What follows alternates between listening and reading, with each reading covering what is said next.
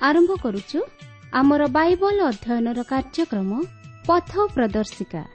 ପବିତ୍ର ବାଇବଲ କହେ ତୁମ୍ଭେ ସର୍ବାନ୍ତକରଣ ସହିତ ସଦାପ୍ରଭୁଙ୍କଠାରେ ବିଶ୍ୱାସ କର ଓ ନିଜ ସୁବିବେଚନାର ଆଉଜି ପଡ଼ ନାହିଁ। ଆପଣାର ସବୁ ଗତିରେ ତାହାଙ୍କୁ ସ୍ୱୀକାର କର। ତହିଁରେ ସେ ତୁମ୍ଭର ପଥ ସବୁ ସରଳ କରିବେ। ଆସନ୍ତୁ ସେହି ପଥ ପ୍ରଦର୍ଶକଙ୍କର ସନ୍ଧାନ ପାଇବା ନିମନ୍ତେ ଶୁଣିବା ବେତାର କାର୍ଯ୍ୟକ୍ରମ ପଥ ପ୍ରଦର୍ଶିକା।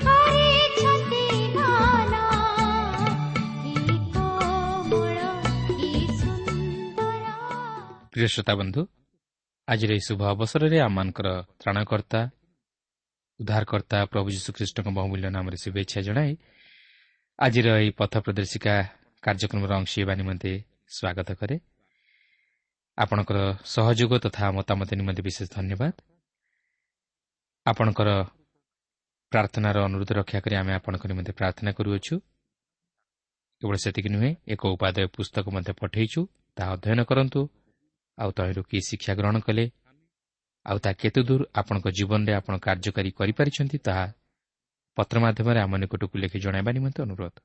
ଆସନ୍ତୁ ପ୍ରଭୁଙ୍କର ବାକ୍ୟ ମଧ୍ୟକୁ ଯିବା ପୂର୍ବରୁ ସଂକ୍ଷେପରେ ପ୍ରାର୍ଥନା କରିବା। ପବିତ୍ର ପ୍ରଭୁ ତୁମର ପବିତ୍ର ନାମର ଧନ୍ୟବାଦ କରୁଛି ସୁନ୍ଦର ସମୟ ପାଇଁ ତୁମର ଜୀବନ୍ତ ବାକ୍ୟ ପାଇଁ। ପ୍ରଭୁ ତୁମର ବାକ୍ୟ ମଧ୍ୟ ଦେଇ ଆମମାନଙ୍କ ସହିତ କଥା କୁହ। ପ୍ରତ୍ୟେକ ଶ୍ରୋତାବନ୍ଧୁମାନଙ୍କୁ ପ୍ରଭୁ ତୁମର ବାକ୍ୟ ମଧ୍ୟ ଦେଇ ତୁମେ ଆଶୀର୍ବାଦ କର। ପ୍ରତ୍ୟେକଙ୍କୁ ଆତ୍ମିକ ଜୀବନରେ ବର୍ଦ୍ଧିଷ୍ଣୁ କରାଅ। ଏହି ସମସ୍ତ ପ୍ରାର୍ଥନା ପ୍ରିୟ ପ୍ରଭୁ ଯୀଶୁଙ୍କ ନାଁରେ ମାଗୁଅଛୁ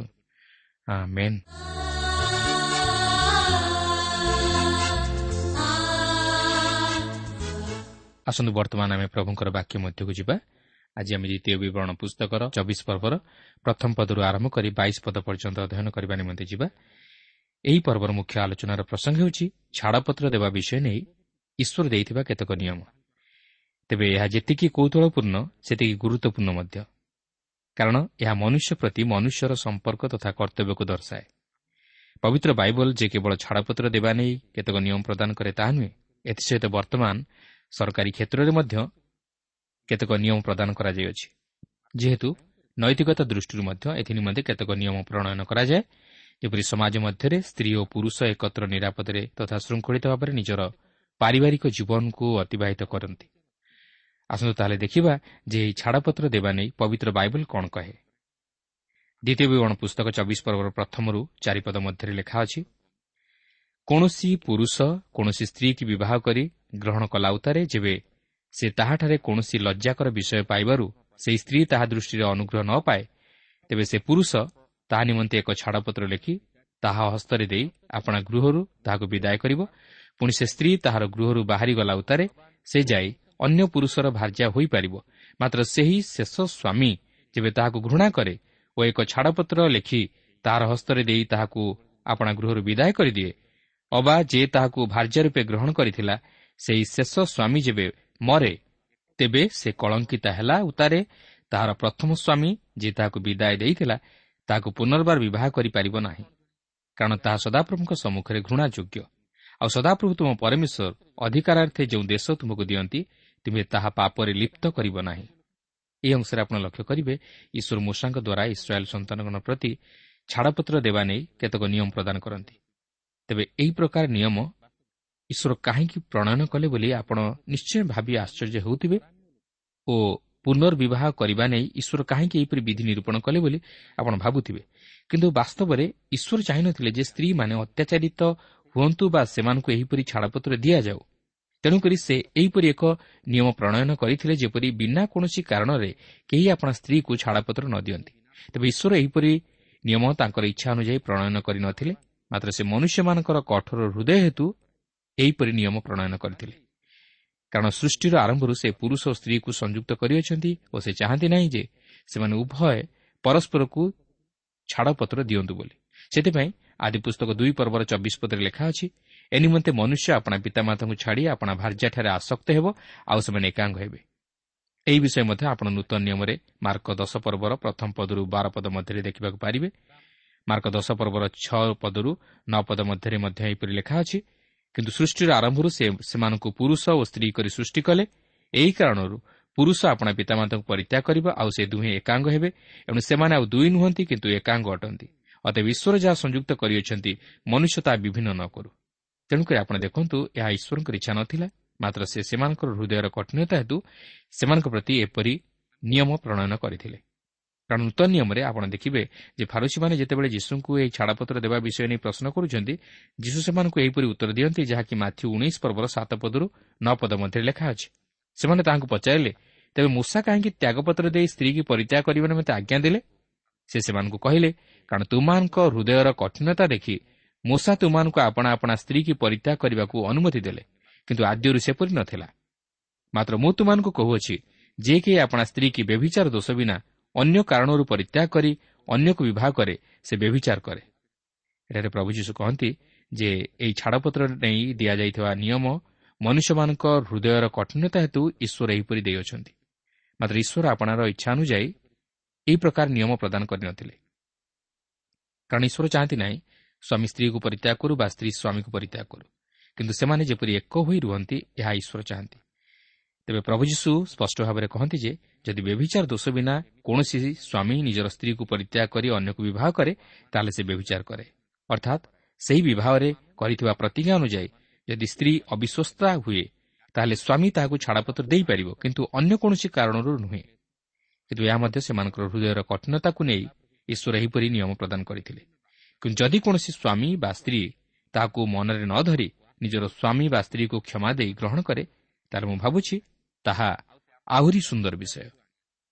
ପ୍ରିୟ ବନ୍ଧୁ ଯଦି ବା ଈଶ୍ୱର ଚାହାନ୍ତି ନାହିଁ ଯେ ସ୍ତ୍ରୀ ସ୍ୱାମୀକୁ ବା ସ୍ୱାମୀ ସ୍ତ୍ରୀକୁ ଛାଡ଼ପତ୍ର ଦେଉ ବୋଲି ତଥାପି ସେ ଆମମାନଙ୍କର ହୃଦୟର କଠିନତା ଜାଣି ଆମମାନଙ୍କର ମଙ୍ଗଳ ନିମନ୍ତେ ଏହିପରି ନିୟମ ପ୍ରଦାନ କରିଅଛନ୍ତି। କିନ୍ତୁ ଯଦି ଆମେ ପରସ୍ପରକୁ କ୍ଷମା ଦେଇ ମିଳନରେ ବାସ କରୁ ତାହେଲେ ତାହାଦ୍ୱାରା ଈଶ୍ୱର ମହିମାନିତ ହେବେ ଓ ଆମେ ଏକ ସୁଖକର ତଥା ଶାନ୍ତିକର ପାରିବାରିକ ଜୀବନ ଅତିବାହିତ କରିପାରିବା। ତେଣୁ ମୋର ଅନୁରୋଧ ଆପଣ ଛାଡ଼ପତ୍ର ଦେବା ନିମନ୍ତେ ଚିନ୍ତା କରନ୍ତୁ ନାହିଁ। ମାତ୍ର ନିଜର ସ୍ତ୍ରୀକୁ ବା ସ୍ୱାମୀକୁ ପୁନର୍ବାର ଗ୍ରହଣ କରି ଈଶ୍ୱରଙ୍କର ମହତ ଅଭିମତକୁ ସଫଳ କରନ୍ତୁ। କିନ୍ତୁ ଯେଉଁମାନେ ଆଜି ଏହିପରି ଛାଡ଼ପତ୍ର ଦେଇଛନ୍ତି ସେମାନେ କେବେ ହେଲେ ସୁଖକର ତଥା ଶାନ୍ତିକର ପାରିବାରିକ ଜୀବନ ଅତିବାହିତ କରିପାରନ୍ତି ନାହିଁ। କାରଣ ସେମାନେ ଈଶ୍ୱରଙ୍କ ଇଚ୍ଛା ବିରୁଦ୍ଧରେ ଯାଇ କାର୍ଯ୍ୟ କରିଥିବାରୁ ଈଶ୍ୱରଙ୍କ ଆଶୀର୍ବାଦରୁ ବଞ୍ଚିତ ହୁଅନ୍ତି। ତେବେ ଏଠାରେ ଈଶ୍ୱର ମୂଷାଙ୍କ ଦ୍ୱାରା ଇସ୍ରାଏଲ୍ ଜାତି ପ୍ରତି ଏହି ଛାଡ଼ପତ୍ର ଦେବା ନେଇ ନିୟମ ପ୍ରଦାନ କରନ୍ତି ଯେପରି ସେମାନେ ଈଶ୍ୱରଙ୍କ ଇଚ୍ଛା ବିରୁଦ୍ଧରେ ଯାଇ କାର୍ଯ୍ୟ ନ କରନ୍ତି ମାତ୍ର ତାହାଙ୍କର ଆଜ୍ଞା ଅନୁଯାୟୀ ଜୀବନଯାପନ କରି ଏକ ସୁଖକର ପାରିବାରିକ ଜୀବନ ଅତିବାହିତ କରିପାରନ୍ତି।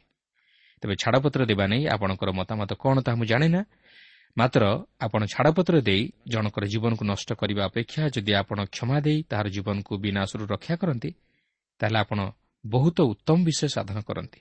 ଓ ଈଶ୍ୱର ମଧ୍ୟ ଆପଣଙ୍କୁ ଆଶୀର୍ବାଦ କରିବେ। ତେବେ ବ୍ୟଭିଚାର ଦୋଷ ହେତୁ ହେଉ ବା ଅନ୍ୟ କୌଣସି କାରଣ ହେତୁ ହେଉ କେବେ ହେଲେ ନିଜର ସ୍ତ୍ରୀକୁ ପରୀକ୍ଷା କରିବାକୁ ଚେଷ୍ଟା କରନ୍ତୁ ନାହିଁ। ମାତ୍ର ପରସ୍ପରକୁ କ୍ଷମା ଦେଇ ପୁନର୍ବାର ଏକ ସୁଖକର ଦାମ୍ପତ୍ୟ ଜୀବନ ଅତିବାହିତ କରିବାକୁ ଚେଷ୍ଟା କରନ୍ତୁ। କାରଣ ଈଶ୍ୱରଙ୍କର ଇଚ୍ଛା ନୁହେଁ ଯେ ସ୍ୱାମୀ ସ୍ତ୍ରୀକୁ ଛାଡ଼ପତ୍ର ଦେଉ ବା ସ୍ତ୍ରୀ ସ୍ୱାମୀକୁ ଛାଡ଼ପତ୍ର ଦେଉ। ମାତ୍ର ଈଶ୍ୱର ଚାହାନ୍ତି ସେମାନେ ଯେପରି ଏକ ସଙ୍ଗେ ବାସ କରି ଈଶ୍ୱରଙ୍କ ପବିତ୍ରତା ରକ୍ଷା କରନ୍ତୁ ଓ ତାହାଙ୍କ ଅଭିମତକୁ ସଫଳ କରନ୍ତୁ। ତେଣୁକରି ପ୍ରିୟ ବନ୍ଧୁ ଆପଣ ବିବାହ କରିବା ପୂର୍ବରୁ ସମସ୍ତ ବିଷୟ ଭଲ ଭାବରେ ବୁଝି ଓ ଈଶ୍ୱରଙ୍କ ଇଚ୍ଛା ଲୋଡ଼ି ବିବାହ କରନ୍ତୁ। ମାତ୍ର ବିବାହ କରିସାରିବା ପରେ ଛାଡ଼ପତ୍ର ଦେବାକୁ ଚେଷ୍ଟା କରନ୍ତୁ ନାହିଁ। କିମ୍ବା ଯୌତୁକ ନିମନ୍ତେ ବା ନିଜର ସ୍ୱାର୍ଥ ନିମନ୍ତେ ନିଜର ସ୍ତ୍ରୀକୁ ଛାଡ଼ପତ୍ର ଦେବାକୁ ମନସ୍ଥ କରନ୍ତୁ ନାହିଁ। କାରଣ ଅନେକ ଏହିପରି ଧନର ଲାଳସାରେ ବିବାହ କରନ୍ତି ବା ସୌନ୍ଦର୍ଯ୍ୟକୁ ଦେଖି ବିବାହ କରନ୍ତି ମାତ୍ର ପରବର୍ତ୍ତୀ ମୁହୂର୍ତ୍ତରେ କୌଣସି କାରଣବଶତଃ ଛାଡ଼ପତ୍ର ଦେବାକୁ ମନସ୍ଥ କରନ୍ତି। କିନ୍ତୁ ତାହା ଆପଣଙ୍କ ଜୀବନରେ ଯେପରି ନ ଘଟେ ଏଥିନିମନ୍ତେ ସତର୍କ ରୁହନ୍ତୁ। ଏହାପରେ ଆଉ ଏକ ବିଷୟ ଲକ୍ଷ୍ୟ କରିବେ ଯୁଦ୍ଧ ସମୟରେ ମଧ୍ୟ ଈଶ୍ୱର ଗୃହଗୁଡ଼ିକୁ ବା ପରିବାରଗୁଡ଼ିକୁ ସୁରକ୍ଷା କରୁଥିଲେ। କାରଣ ଈଶ୍ୱର ବିବାହର ପବିତ୍ରତା ପ୍ରତି ମଧ୍ୟ ଦୃଷ୍ଟି ଦିଅନ୍ତି। ଦେଖନ୍ତୁ ଏହି ଚବିଶ ପର୍ବର ପାଞ୍ଚ ପଦରେ ଲେଖା ଅଛି କୌଣସି ବ୍ୟକ୍ତି ନୂତନ ଭାର୍ଯ୍ୟା ଗ୍ରହଣ କଲେ ସେ ସୈନ୍ୟ ସଙ୍ଗେ ବାହାରିଯିବ ନାହିଁ କିମ୍ବା ତାହାକୁ କୌଣସି କର୍ମର ଭାର ଦିଆଯିବ ନାହିଁ। ସେ ଏକ ବର୍ଷ ପର୍ଯ୍ୟନ୍ତ ଆପଣା ଗୃହରେ ନିଷ୍କର୍ମରେ ରହି ଆପଣା ଗୃହୀତା ଭାର୍ଯ୍ୟାର ମନୋରଞ୍ଜନ କରିବ। ଦେଖନ୍ତୁ ଈଶ୍ୱର? ଏହି ବିବାହ ବିଷୟ ନେଇ କେତେ ଦୂର ଯତ୍ନବାନ ଥିଲେ ଓ କେତେ ଦୂର ଏହି ବିବାହ ବନ୍ଧନକୁ ସମ୍ମାନ ଦେଉଥିଲେ। କାରଣ ବିବାହ ଈଶ୍ୱରଙ୍କ ଦୃଷ୍ଟିରେ ପବିତ୍ର ଓ ଆଦରଣୀୟ ବୋଲି ତାଙ୍କର ବାକ୍ୟ ପ୍ରକାଶ କରେ। ଏଠାରେ ଜଣେ ସ୍ୱାମୀର ତାହାର ସ୍ତ୍ରୀ ପ୍ରତି କର୍ତ୍ତବ୍ୟ କ'ଣ ତାହା ପ୍ରକାଶିତ ହୋଇଅଛି। ସ୍ୱାମୀ ଯେ କେବଳ ସ୍ତ୍ରୀକୁ ବିବାହ କରିଦେଲେ ଯଥେଷ୍ଟ ହୋଇଗଲା ତାହା ନୁହେଁ। ଏଥିସହିତ ସେ ମଧ୍ୟ ସ୍ତ୍ରୀର ଆବଶ୍ୟକତା ପ୍ରତି ଦୃଷ୍ଟି ରଖିବାକୁ ହେବ ଓ ତାହାର ମନୋରଞ୍ଜନ ନିମନ୍ତେ ତାହା ସହିତ ବସବାସ କରିବାକୁ ହେବ। ବିଶେଷ କରି ଯେଉଁମାନେ ସୈନିକ ହିସାବରେ ରହି କାର୍ଯ୍ୟ କରନ୍ତି ସେମାନେ ସେମାନଙ୍କ ପରିବାର ସହିତ ବିଶେଷ ସମୟ ଦେଉନଥିବାରୁ ଓ ସେମାନଙ୍କ ସ୍ତ୍ରୀମାନଙ୍କ ସହ ସମୟ ବିତାଉନଥିବାରୁ ସେମାନଙ୍କର ପାରିବାରିକ ଜୀବନରେ ବିଶେଷରେ ବିଶୃଙ୍ଖଳା ଦେଖାଯାଏ। ତେଣୁକରି ଈଶ୍ୱର କହନ୍ତି ଏପରିକି ନବବିବାହିତ କୌଣସି ବ୍ୟକ୍ତି ଯିଏକି ସୈନିକ ବିଭାଗରେ ରହି କାର୍ଯ୍ୟ କରେ ସେ ମଧ୍ୟ ଏକ ବର୍ଷ ପର୍ଯ୍ୟନ୍ତ ଆପଣା ଗୃହରେ ନିଷ୍କର୍ମରେ ରହି ଆପଣା ଗୃହୀତା ଭାର୍ଯ୍ୟାର ମନୋରଞ୍ଜନ କରିବ। କାହିଁକି?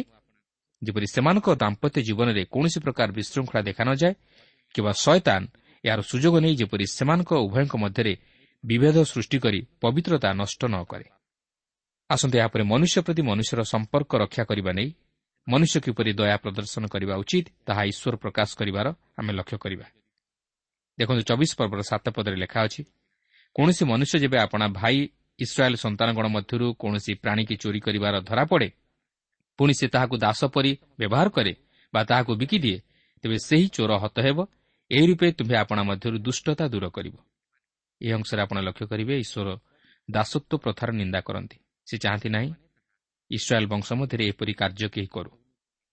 ତେଣୁକରି ସେ କହନ୍ତି ଯେଉଁ ବ୍ୟକ୍ତି ଏ ପ୍ରକାର କର୍ମ କରେ ସେ ନିଶ୍ଚୟ ହତ ହେବ।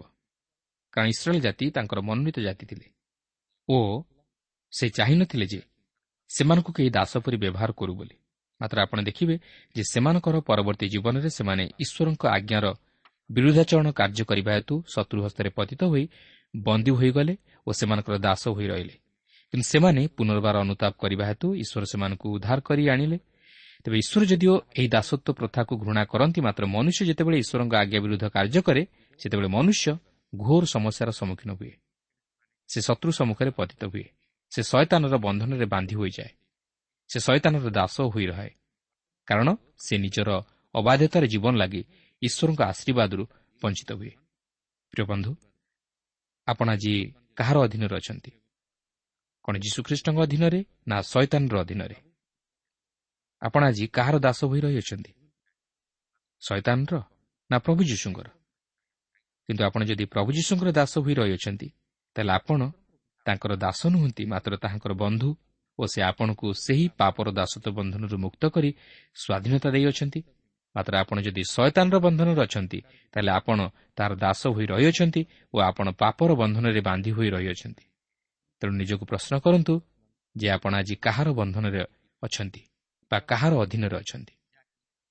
ଆଜି ଯଦି ଆପଣଙ୍କର ଜୀବନରେ ଅନେକ ସମସ୍ୟା ତଥା ଦୁଃଖ ଆସିଅଛି ବା ଆପଣ ସେହି ସମସ୍ୟା ଓ ଦୁଃଖ ମଧ୍ୟ ଦେଇ ଗତି କରୁଅଛନ୍ତି ତାହେଲେ ପ୍ରଥମେ ନିଜର ଜୀବନକୁ ସମୀକ୍ଷା କରନ୍ତୁ ଯେ ବାସ୍ତବରେ ଆପଣ ଆଜି କାହା ଦ୍ୱାରା ପରିଚାଳିତ?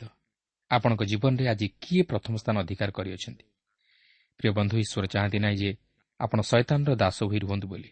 ସେ ଚାହାନ୍ତି ନାହିଁ ଆପଣ ସମସ୍ୟା ତଥା ଦୁଃଖ ଅଭାବ ମଧ୍ୟ ଦେଇ ଗତି କରନ୍ତୁ ବୋଲି। ସେ ଚାହାନ୍ତି ନାହିଁ ଆପଣଙ୍କୁ କିଏ ଦାସ ପରି ବ୍ୟବହାର କରୁ ବୋଲି। ମାତ୍ର ମନୁଷ୍ୟ ତା'ର ନିଜ କର୍ମ ଅନୁଯାୟୀ ପ୍ରତିଫଳ ଭୋଗ କରେ। କିନ୍ତୁ ତଥାପି ସେ ଆଜି ମଧ୍ୟ ଆପଣଙ୍କୁ ସେହି ପାପର ଦାସତ୍ୱ ବନ୍ଧନରୁ ଉଦ୍ଧାର କରି ଜୀବନରେ ଶାନ୍ତି ଦେଇ ସେହି ଅନନ୍ତ ଜୀବନର ଅଧିକାରୀ କରାଇବାକୁ ଚାହାନ୍ତି। ସେ ଆମକୁ ସେହି ଆତ୍ମିକ ଧନରେ ଧନମାନ କରିବାକୁ ଚାହାନ୍ତି ଯାହାକି ଅକ୍ଷୟ ଓ ଅମର। ଏହାପରେ ଚବିଶ ପର୍ବର ଆଠ ଓ ନଅ ପଦରେ ଏହିପରି ଲେଖା ଅଛି କୁଷ୍ଠ ରୋଗର ଘା ବିଷୟରେ ସାବଧାନ ହୁଅ। ଲିବିୟ ଯାଜକମାନେ ତୁମକୁ ଯେ ସକଳ ଶିକ୍ଷା ଦିଅନ୍ତି ତଦନୁସାରେ କରିବା ପାଇଁ ଯତ୍ନପୂର୍ବକ ମନୋଯୋଗ କର। ଆମେ ସେମାନଙ୍କୁ ଯେ ରୂପ ଆଜ୍ଞା ଦେଇଅଛୁ ସେ ରୂପ କରିବାକୁ ତୁମେମାନେ ମନୋଯୋଗ କରିବ। ତୁମେମାନେ ମିଶ୍ରରୁ ବାହାର ହୋଇ ଆସିବା ବେଳେ ପଥ ମଧ୍ୟରେ ସଦାପ୍ରଭୁ ତୁମ ପରମେଶ୍ୱର ମରିୟମ ପ୍ରତି ଯାହା କରିଥିଲେ ତାହା ସ୍ମରଣ କର। ଏହି ଅଂଶରେ କୁଷ୍ଠରୋଗ ବିଷୟ ନେଇ ଈଶ୍ୱର କେତେକ ନିୟମ ପ୍ରଦାନ କରନ୍ତି। ତାହା ହେଉଛି ଯେ ସେମାନେ ଯେପରି ପ୍ରତ୍ୟେକ କୁଷ୍ଠ ରୋଗ ଦ୍ୱାରା ଆକ୍ରାନ୍ତ ନ ହୁଅନ୍ତି ବା ସମାଜକୁ ଅସୂଚୀ ନ କରନ୍ତି ଏଥିନିମନ୍ତେ ଯେଉଁମାନେ କୁଷ୍ଠ ରୋଗରେ ଆକ୍ରାନ୍ତ ହେଉଥିଲେ ସେମାନଙ୍କୁ ସମାଜର ବାହାରେ ରଖାଯାଉଥିଲା। ଓ ସେ ସେହି କୁଷ୍ଠ ରୋଗରୁ ସୁସ୍ଥ ହୋଇ ସୂଚୀ ହେବା ପରେ ସମାଜ ମଧ୍ୟକୁ ଅଣାଯାଉଥିଲା। ଯଦିଓ ଏହା ଅତି କଠିନ ନିୟମ ଥିଲା ମାତ୍ର ଈଶ୍ୱର ଅନେକଙ୍କୁ ରକ୍ଷା କରିବା ନିମନ୍ତେ ଓ ଇସ୍ରାଏଲ୍ ଜାତିକୁ ଅସୁଚିତାରୁ ରକ୍ଷା କରିବା ନିମନ୍ତେ ଏହି ପ୍ରକାର କଠୋର ନିୟମ ପ୍ରଦାନ କରିଥିଲେ। ତେବେ ବର୍ତ୍ତମାନ ହୁଏତ ସେହିପରି ଭାବେ କୁଷ୍ଠରୋଗୀମାନଙ୍କୁ ସମାଜର ବାହାରେ ରଖାଯାଉ ନାହିଁ କିନ୍ତୁ ସେଦିନ ଈଶ୍ୱର କୁଷ୍ଠରୋଗ ବିଷୟ ନେଇ ଯାହା ଯାହା ନିୟମ ପ୍ରଦାନ କରିଥିଲେ ତାହା କୁଷ୍ଠରୋଗୀର ମଙ୍ଗଳ ନିମନ୍ତେ ଓ ଅନେକଙ୍କୁ କୁଷ୍ଠରୋଗରୁ ରକ୍ଷା କରିବା ନିମନ୍ତେ ଓ ଇସ୍ରାଏଲ୍ ସମାଜକୁ ଅସୁଚିତାରୁ ରକ୍ଷା କରିବା ନିମନ୍ତେ। କାରଣ ଈଶ୍ୱରଙ୍କ ପବିତ୍ର ଉପସ୍ଥିତି ମଧ୍ୟରେ କୌଣସି ଅସୁଚି ବା ଅପବିତ୍ର ବିଷୟ ସ୍ଥାନ ପାଏ ନାହିଁ। ପ୍ରିୟ ବନ୍ଧୁ ଆଜି ଏହି ବାକ୍ୟ ଆମମାନଙ୍କ ଜୀବନ ନିମନ୍ତେ ମଧ୍ୟ ଉଦ୍ଦିଷ୍ଟ। ସେଥିପାଇଁ ପ୍ରଥମ କରନ୍ତି ଦଶ ପର୍ବର ଛଅ ପଦରେ ଲେଖା ଅଛି ସେମାନେ ଯେ ପ୍ରକାରେ ମନ୍ଦ ବିଷୟରେ ଅଭିଳାଷୀ ହୋଇଥିଲେ ଆମ୍ଭେମାନେ ଯେପରି ସେ ପ୍ରକାର ଅଭିଳାଷୀ ନ ହେଉ ଏଥିନିମନ୍ତେ ଏହି ସମସ୍ତ ବିଷୟ ଆମମାନଙ୍କ ପକ୍ଷରେ ଦୃଷ୍ଟାନ୍ତ ସ୍ୱରୂପ ହୋଇଅଛି।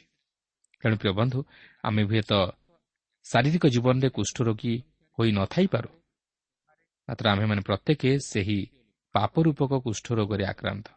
ଆମମାନଙ୍କ ଜୀବନର ଗୁପ୍ତ ପାପ ଆଜି ଆମମାନଙ୍କର ଆତ୍ମିକ ଜୀବନକୁ ଦିନକୁ ଦିନ ଦୁର୍ବଳ କରିଦେଉଛି। ଆଜି ଆମେ ଆତ୍ମିକ ଜୀବନରେ ଜଣେ ଜଣେ କୁଷ୍ଠୀ। ତେଣୁ ପ୍ରଭୁ ଆଜି ମଧ୍ୟ ଆମମାନଙ୍କୁ ସାବଧାନ ରହିବାକୁ କହନ୍ତି। ଚିନ୍ତା କରନ୍ତୁ ଈଶ୍ୱର ଯଦି ଶାରୀରିକ ଅସୁଚିତା ନିମନ୍ତେ ଏତେ ଦୂର ଦୃଷ୍ଟି ଦେଉଥିଲେ ତାହେଲେ ଆତ୍ମିକ ଅସୁଚିତା ନିମନ୍ତେ ସେ ଆହୁରି କେତେ ଦୂର ଦୃଷ୍ଟି ଦେଉନଥିବେ ତେଣୁ ପ୍ରିୟ ବନ୍ଧୁ ଆପଣ ଯଦି ସତ୍ୟ ଈଶ୍ୱରଙ୍କର ପରିଚୟ ପାଇବାକୁ ଚାହାନ୍ତି ଓ ତାହାଙ୍କ ସହିତ ସହଭାଗିତା ସ୍ଥାପନ କରିବାକୁ ଚାହାନ୍ତି ତାହେଲେ ପ୍ରଥମେ ନିଜର ଦୁର୍ବଳତା ଓ ପାପମୟ ଜୀବନକୁ ସମୀକ୍ଷା କରି ସେହି ପାପରୁ ଉଦ୍ଧାର ପାଇବା ନିମନ୍ତେ ପ୍ରଭୁ ଯୀଶୁଙ୍କ ନିକଟକୁ ଯାଆନ୍ତୁ ଓ ତାହାଙ୍କ ନିକଟରେ ନିଜର ସମସ୍ତ ପାପକୁ ସ୍ୱୀକାର କରି ତାଙ୍କ ପବିତ୍ର ରକ୍ତ ଦ୍ୱାରା ସୂଚୀ ହୁଅନ୍ତୁ। କାରଣ ସେହି ପ୍ରଭୁ ଯୀଶୁ ଖ୍ରୀଷ୍ଟ ହେଉଛନ୍ତି ଆମମାନଙ୍କର ପ୍ରଧାନ ମହାଯାଜକ ଯିଏକି ଆମକୁ ପାପ ରୂପକ କୁଷ୍ଠରୋଗରୁ ସୂଚୀ କରି ଈଶ୍ୱରଙ୍କ ସହଭାଗିତାର ଅଂଶୀ କରାଇପାରିବେ ସେଥିପାଇଁ ପ୍ରଭୁ ଯୀଶୁ କହନ୍ତି ମୁଁ ପଥ ସତ୍ୟ ଓ ଜୀବନ। ମୋ ଦେଇ ନଗଲେ କେହି ପିତାଙ୍କ ନିକଟକୁ ଯାଇପାରେ ନାହିଁ। ତେଣୁ ଈଶ୍ୱର ଆଜି ସେହି ପ୍ରଭୁ ଯୀଶୁଖ୍ରୀଷ୍ଟଙ୍କ ଦ୍ୱାରା ଆମମାନଙ୍କ ପ୍ରତି ତାହାଙ୍କ ଅସୀମ ପ୍ରେମ ଓ ଅନୁଗ୍ରହ ପ୍ରକାଶ କରିଅଛନ୍ତି। ଯଦି ଆମେ ତାହାଙ୍କ ବାକ୍ୟ ଶୁଣି ସେହି ପ୍ରଭୁ ଯୀଶୁଖ୍ରୀଷ୍ଟଙ୍କଠାରେ ବିଶ୍ୱାସ ସ୍ଥାପନ କରୁ ଓ ତାହାଙ୍କ ଆଜ୍ଞା ଅନୁଯାୟୀ କାର୍ଯ୍ୟ କରୁ ତାହେଲେ ଆମେ ଈଶ୍ୱରଙ୍କ ନିକଟରେ ଧାର୍ମିକ ବୋଲି ଗଣିତ ହୋଇପାରିବା ଓ ତାହାଙ୍କ ସତ୍ତାକୁ ଉପଲବ୍ଧି କରି ତାହାଙ୍କ ସହ ସହଭାଗିତା ସ୍ଥାପନ କରିପାରିବା। ଆସନ୍ତୁ ଏହାପରେ ଦେଖିବା ଯେ ଦୁଃଖୀ ତଥା ଦରିଦ୍ର ଓ ଅସହାୟ ବ୍ୟକ୍ତିଙ୍କ ନିମନ୍ତେ ଚିନ୍ତା କରି ଈଶ୍ୱର କିପରି ନିୟମ ପ୍ରଦାନ କରନ୍ତି ତାହା ଆମେ ଏହି ଚବିଶ ପର୍ବର ଦଶ ପଦରୁ ତେର ପଦ ମଧ୍ୟରେ ଲକ୍ଷ୍ୟ କରିବାକୁ ପାରୁ। ଏଠାରେ ଦରିଦ୍ର ତଥା ଅସହାୟ ଲୋକ ଯେପରି ସମାଜ ମଧ୍ୟରେ ବଞ୍ଚି ରହିବାକୁ ପାରେ ଏଥିନିମନ୍ତେ ଈଶ୍ୱର ଏକ ନିୟମ ପ୍ରଦାନ କରନ୍ତି। ଈଶ୍ୱର ଏଠାରେ କହିବାକୁ ଚାହାନ୍ତି ଯେ ଯଦି କୌଣସି ବ୍ୟକ୍ତି କୌଣସି ଅସହାୟ ବା ଦରିଦ୍ର ଲୋକକୁ ଋଣ ଦିଏ ତାହେଲେ ସେ ବନ୍ଧକ ରଖି ସେହି ଋଣ ଦେବା ଉଚିତ ନୁହେଁ। ଯଦିବା ସେହି ଋଣ କରିଥିବା ବ୍ୟକ୍ତି ତାହାର ଦ୍ରବ୍ୟ ବନ୍ଧକ ସ୍ୱରୂପେ ଦିଏ ତଥାପି ଋଣ ଦେଇଥିବା ବ୍ୟକ୍ତି ତାହାର ବନ୍ଧକ ଦ୍ରବ୍ୟ ରଖି ନିଶ୍ଚିତ ହୋଇ ରହିଯିବ ନାହିଁ। ମାତ୍ର ସେ ସେହି ଲୋକର ଦରିଦ୍ରତା ପ୍ରତି ଦୃଷ୍ଟି ରଖି ସେହି ବନ୍ଧକୀ ଦ୍ରବ୍ୟ ସୂର୍ଯ୍ୟାସ୍ତ ସମୟରେ ତାହାକୁ ଫେରାଇ ଦେବାକୁ ହେବ। ତାହେଲେ ତାହା ତାହା ପକ୍ଷରେ ଧାର୍ମିକତା ସ୍ୱରୂପ ହୋଇପାରିବ। ସେଥିପାଇଁ ଯାକୁ ପ୍ରଥମ ପର୍ବର ସତେଇଶ ପଦରେ ଲେଖା ଅଛି ଅନାଥ ଓ ବିଧବାମାନଙ୍କୁ ସେମାନଙ୍କ ଦୁଃଖାବସ୍ଥାରେ ଶଙ୍ଖଳିବା ପୁଣି ସଂସାରରୁ ଆପଣାକୁ ନିଷ୍କଳଙ୍କ ରୂପେ ରକ୍ଷା କରିବା ଏହା ଆମ୍ଭମାନଙ୍କ ଈଶ୍ୱର ଓ ପିତାଙ୍କ ଛାମୁରେ ବିଶୁଦ୍ଧ ଓ ନିର୍ମଳ ଧର୍ମପରାୟଣତା ଅଟେ। ପ୍ରିୟ ବନ୍ଧୁ ଈଶ୍ୱର ଚାହାନ୍ତି ଆମେ ଯେପରି ଦରିଦ୍ରକୁ ସାହାଯ୍ୟ କରୁ ମାତ୍ର ଦରିଦ୍ରର ଦାରିଦ୍ରତା ନେଇ ତାହାକୁ ଯେପରି ଶୋଷଣ ନ କରୁ। ଅନେକ କ୍ଷେତ୍ରରେ ଆମେ ଅନ୍ୟର ଦ୍ରବ୍ୟ ବନ୍ଧକ ରଖି ତାହାକୁ ଋଣ ଦେଇଥାଉ କିନ୍ତୁ ଈଶ୍ୱର କହନ୍ତି ଯେ ଆମେ ଦରିଦ୍ର ପ୍ରତି ଦୟାକରି ତାହାକୁ ତାହାର ବନ୍ଧକ ଦ୍ରବ୍ୟ ଯେପରି ଫେରାଇ ଦେଉ। ହୋଇପାରେ ଆମର କ୍ଷତି ଘଟିପାରେ ମାତ୍ର ଆମେ ଦରିଦ୍ରକୁ ସାହାଯ୍ୟ କରିବା ଦ୍ୱାରା ଈଶ୍ୱରଙ୍କଠାରୁ ଆଶୀର୍ବାଦ ପ୍ରାପ୍ତ ହୋଇପାରିବା। ଓ ଏହି କାର୍ଯ୍ୟ ଆମମାନଙ୍କ ପ୍ରତି ଧାର୍ମିକତା ସ୍ୱରୂପ ହେବ। ତେଣୁ ପ୍ରିୟ ବନ୍ଧୁ କେବେ ହେଲେ ଦିନହୀନ ପ୍ରତି ଉପଦ୍ରବ କରନ୍ତୁ ନାହିଁ ମାତ୍ର ଦିନହୀନ ପ୍ରତି ଦୟା ପ୍ରକାଶ କରନ୍ତୁ କାରଣ ଈଶ୍ୱର ସେମାନଙ୍କ ପକ୍ଷରେ ଛିଡ଼ା ହୁଅନ୍ତି ଓ ସେମାନଙ୍କ ପ୍ରତି ଉପଦ୍ରବ କରିବା ଦ୍ୱାରା ଆମେ ଈଶ୍ୱରଙ୍କ ଦ୍ୱାରା ବିଚାରିତ ହେବା। ତେଣୁକରି ହିତୋପଦେଶ ଏକୋଇଶ ପର୍ବର ତେର ପଦରେ ଲେଖା ଅଛି ଯେଉଁ ଲୋକ ଦିନହୀନର ଡାକରେ କର୍ଣ୍ଣ ରୁଦ୍ଧ କରାଇ ସେ ମଧ୍ୟ ଆପେ ଡାକିବ କିନ୍ତୁ ଉତ୍ତର ପାଇବ ନାହିଁ। ତେଣୁ ପ୍ରିୟ ବନ୍ଧୁ ଦିନହୀନ ପ୍ରତି ଦୟା ପ୍ରକାଶ କରନ୍ତୁ ମାତ୍ର ତାହାର ଦିନତାର ସୁଯୋଗ ନେଇ ତାହା ପ୍ରତି ଅତ୍ୟାଚାର କରନ୍ତୁ ନାହିଁ। କାରଣ ସେପରି କରିବା ଦ୍ୱାରା ଆପଣ ପରୋକ୍ଷରେ ଈଶ୍ୱରଙ୍କ ପ୍ରତି ମଧ୍ୟ ତାହା କରନ୍ତି ଯେହେତୁ ଈଶ୍ୱର ସେମାନଙ୍କ ନିମନ୍ତେ ଚିନ୍ତା କରନ୍ତି ଓ ସେ ସେମାନଙ୍କ ସପକ୍ଷରେ ଛିଡ଼ା ହୁଅନ୍ତି।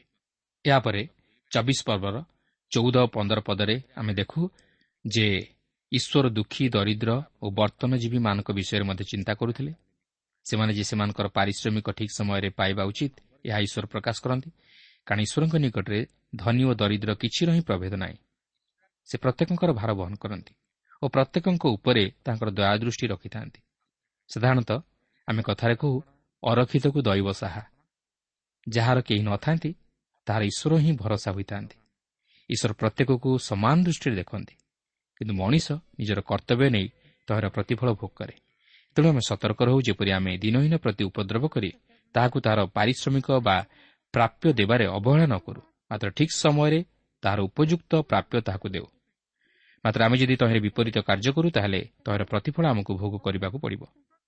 କାରଣ ଈଶ୍ୱର ସେମାନଙ୍କ ସପକ୍ଷରେ ଥାନ୍ତି ଓ ସେ ଚାହାନ୍ତି ଆମେ ଯେପରି ଦିନହୀନ ପ୍ରତି ଦୟା ପ୍ରକାଶ କରି ତାହାକୁ ସାହାଯ୍ୟ କରୁ। ଏହାପରେ ଚବିଶ ପର୍ବର ଷୋହଳ ପଦରେ ଆମେ ଦେଖୁ ପ୍ରତ୍ୟେକ ନିଜ ପାପ ନିମନ୍ତେ ମୃତ୍ୟୁଦଣ୍ଡ ଭୋଗ କରିବେ। ସନ୍ତାନମାନଙ୍କ ପାପ ନିମନ୍ତେ ପିତା ଦାୟୀ ହେବେ ନାହିଁ କି ପିତାଙ୍କର ପାପ ନିମନ୍ତେ ସନ୍ତାନଗଣ ଦାୟୀ ହେବେ ନାହିଁ। ପ୍ରତ୍ୟେକ ଆପଣ ଆପଣା କର୍ମର ସମୁଚିତ ଫଳ ଭୋଗ କରିବେ। ହଁ ପିତାମାତାଙ୍କର ପାପ ନିମନ୍ତେ ସନ୍ତାନମାନଙ୍କ ଉପରେ ତହିଁର ପ୍ରଭାବ ପଡ଼ିପାରେ ମାତ୍ର ସନ୍ତାନମାନେ ସେଥି ନିମନ୍ତେ ଦାୟୀ ନୁହନ୍ତି କିନ୍ତୁ ସେମାନଙ୍କର ପିତାମାତା ସେଥି ନିମନ୍ତେ ଦାୟୀ ଅଟନ୍ତି। ତେଣୁ ପ୍ରିୟ ବନ୍ଧୁ ମନେ ରଖନ୍ତୁ ଆପଣ ଆପଣଙ୍କ କଲାକର୍ମର ପ୍ରତିଫଳ ଭୋଗ କରିବେ। ଆପଣ ଆପଣଙ୍କ ପାପ ନିମନ୍ତେ ବିଚାରିତ ହେବେ। ତେଣୁ ଆପଣ ଅନ୍ୟର ଜୀବନକୁ ଦେଖନ୍ତୁ ନାହିଁ। ସେ ଯେପରି ଅପକର୍ମ କରୁଅଛି ଆପଣ ସେପରି କରନ୍ତୁ ନାହିଁ। କାରଣ ସାଧାରଣତଃ ଏହି ଏକ ଦୁର୍ବଳତା ଆମ ପ୍ରତ୍ୟେକଙ୍କ ଜୀବନରେ ଦେଖାଯାଏ। ଯେ ସେ ଯେପରି କରୁଅଛି ମୁଁ ସେପରି କରିବି।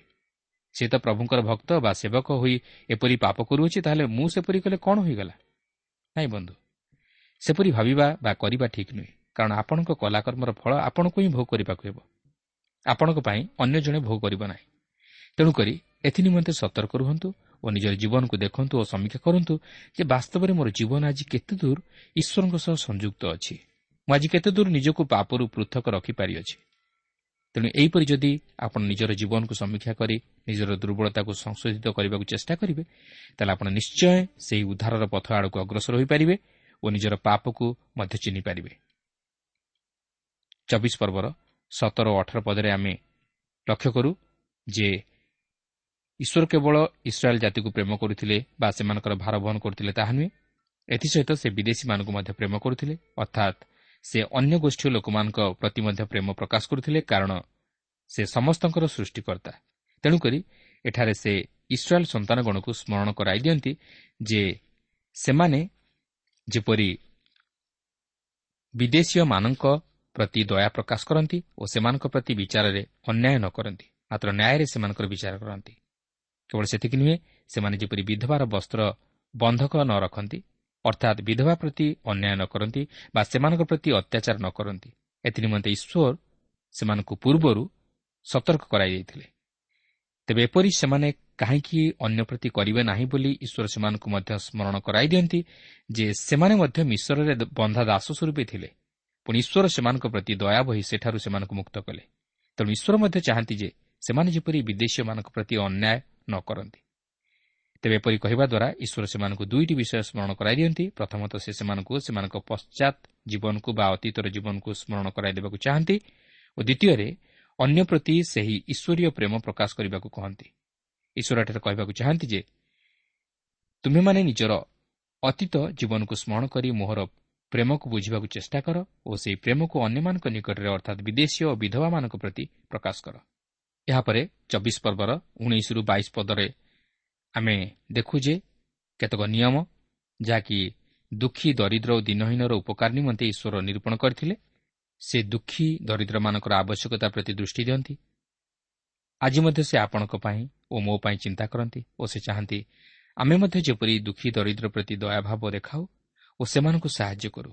ସେ ଚାହାନ୍ତି ଆମେ ଯେପରି ଈଶ୍ୱରଙ୍କ ସମସ୍ତ ପ୍ରେମ ଓ ଅନୁଗ୍ରହକୁ ସ୍ମରଣ କରି ଓ ତାହାଙ୍କର ସମସ୍ତ ମଙ୍ଗଳଦାନକୁ ହେଜ କରି ଅନ୍ୟ ପ୍ରତି ମଧ୍ୟ ସେହିପରି ଦୟାଭାବ ପ୍ରକାଶ କରୁ। ପ୍ରିୟ ବନ୍ଧୁ ଈଶ୍ୱର ଯଦି ଆପଣଙ୍କୁ ଜାଗତିକ ଧନରେ ଧନମାନ କରିଅଛନ୍ତି ତାହେଲେ ମନେ ରଖନ୍ତୁ ଯେ ସେ ତାହା ଅନ୍ୟ ଦୁଃଖୀ ଦରିଦ୍ର ତଥା ବିଧବାର ସେବା ଉପକାର ନିମନ୍ତେ ଦେଇଅଛନ୍ତି। କିନ୍ତୁ ଆପଣ ଯଦି ଅନ୍ୟର ଉପକାର ନିମନ୍ତେ ତାହା ବିନିଯୋଗ ନ କରନ୍ତି ତାହେଲେ ଆପଣ ତହିଁ ପାଇଁ ଈଶ୍ୱରଙ୍କ ନିକଟରେ ଉତ୍ତରଦାୟୀ ହେବେ। ତେଣୁ ଏଥିପ୍ରତି ସତର୍କ ରୁହନ୍ତୁ ଓ ଈଶ୍ୱରଙ୍କ ସମସ୍ତ ଅନୁଗ୍ରହ ଓ ମଙ୍ଗଳଦାନକୁ ସ୍ମରଣ କରି ଅନ୍ୟ ଅସହାୟ ତଥା ଦୁଃଖୀ ଦରିଦ୍ର ପ୍ରତି ସେହିପରି ଦୟା ପ୍ରକାଶ କରି ସାହାଯ୍ୟ କରନ୍ତୁ।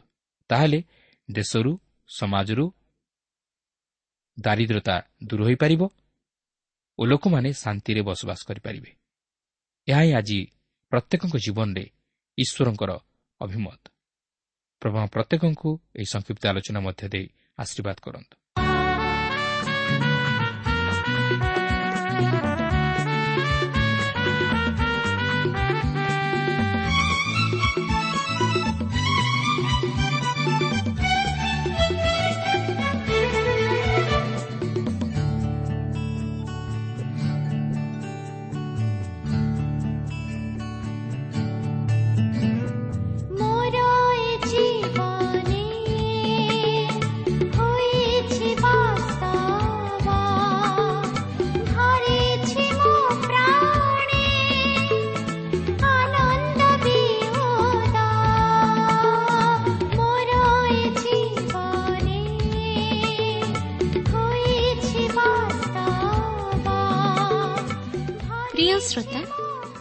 କାର୍ଯ୍ୟକ୍ରମ ନିୟମିତ ଶୁଣୁଥିବାରୁ ଅଶେଷ ଧନ୍ୟବାଦ। ଆପଣ ଏହି କାର୍ଯ୍ୟକ୍ରମ ଶୁଣିବା ଦ୍ୱାରା ଆତ୍ମିକ ଜୀବନରେ ଉପକୃତ ହୋଇପାରିଥିବେ ବୋଲି ଆମର ବିଶ୍ୱାସ। ପ୍ରଭୁ ଯୀଶୁଙ୍କ ବିଷୟରେ ଅଧିକ ଜାଣିବାର ଆଗ୍ରହ ଥିଲେ ଅଥବା ଉପାଦେୟ ପୁସ୍ତକର ଆବଶ୍ୟକ ଥିଲେ ଆମ ସହ ଯୋଗାଯୋଗ କରନ୍ତୁ। ଆମର ଠିକଣା ପଥ ପ୍ରଦର୍ଶିକା trans radio India post box number ତିନି ତିନି Bhubaneswar nine seven double seven double two one four one five ଠିକଣାଟି ଆଉଥରେ ଶୁଣନ୍ତୁ। ପଥ ପ୍ରଦର୍ଶିକା trans world radio India post box number three three Bhubaneswar seven five one zero zero one mobile number nine seven double seven double two one four one five.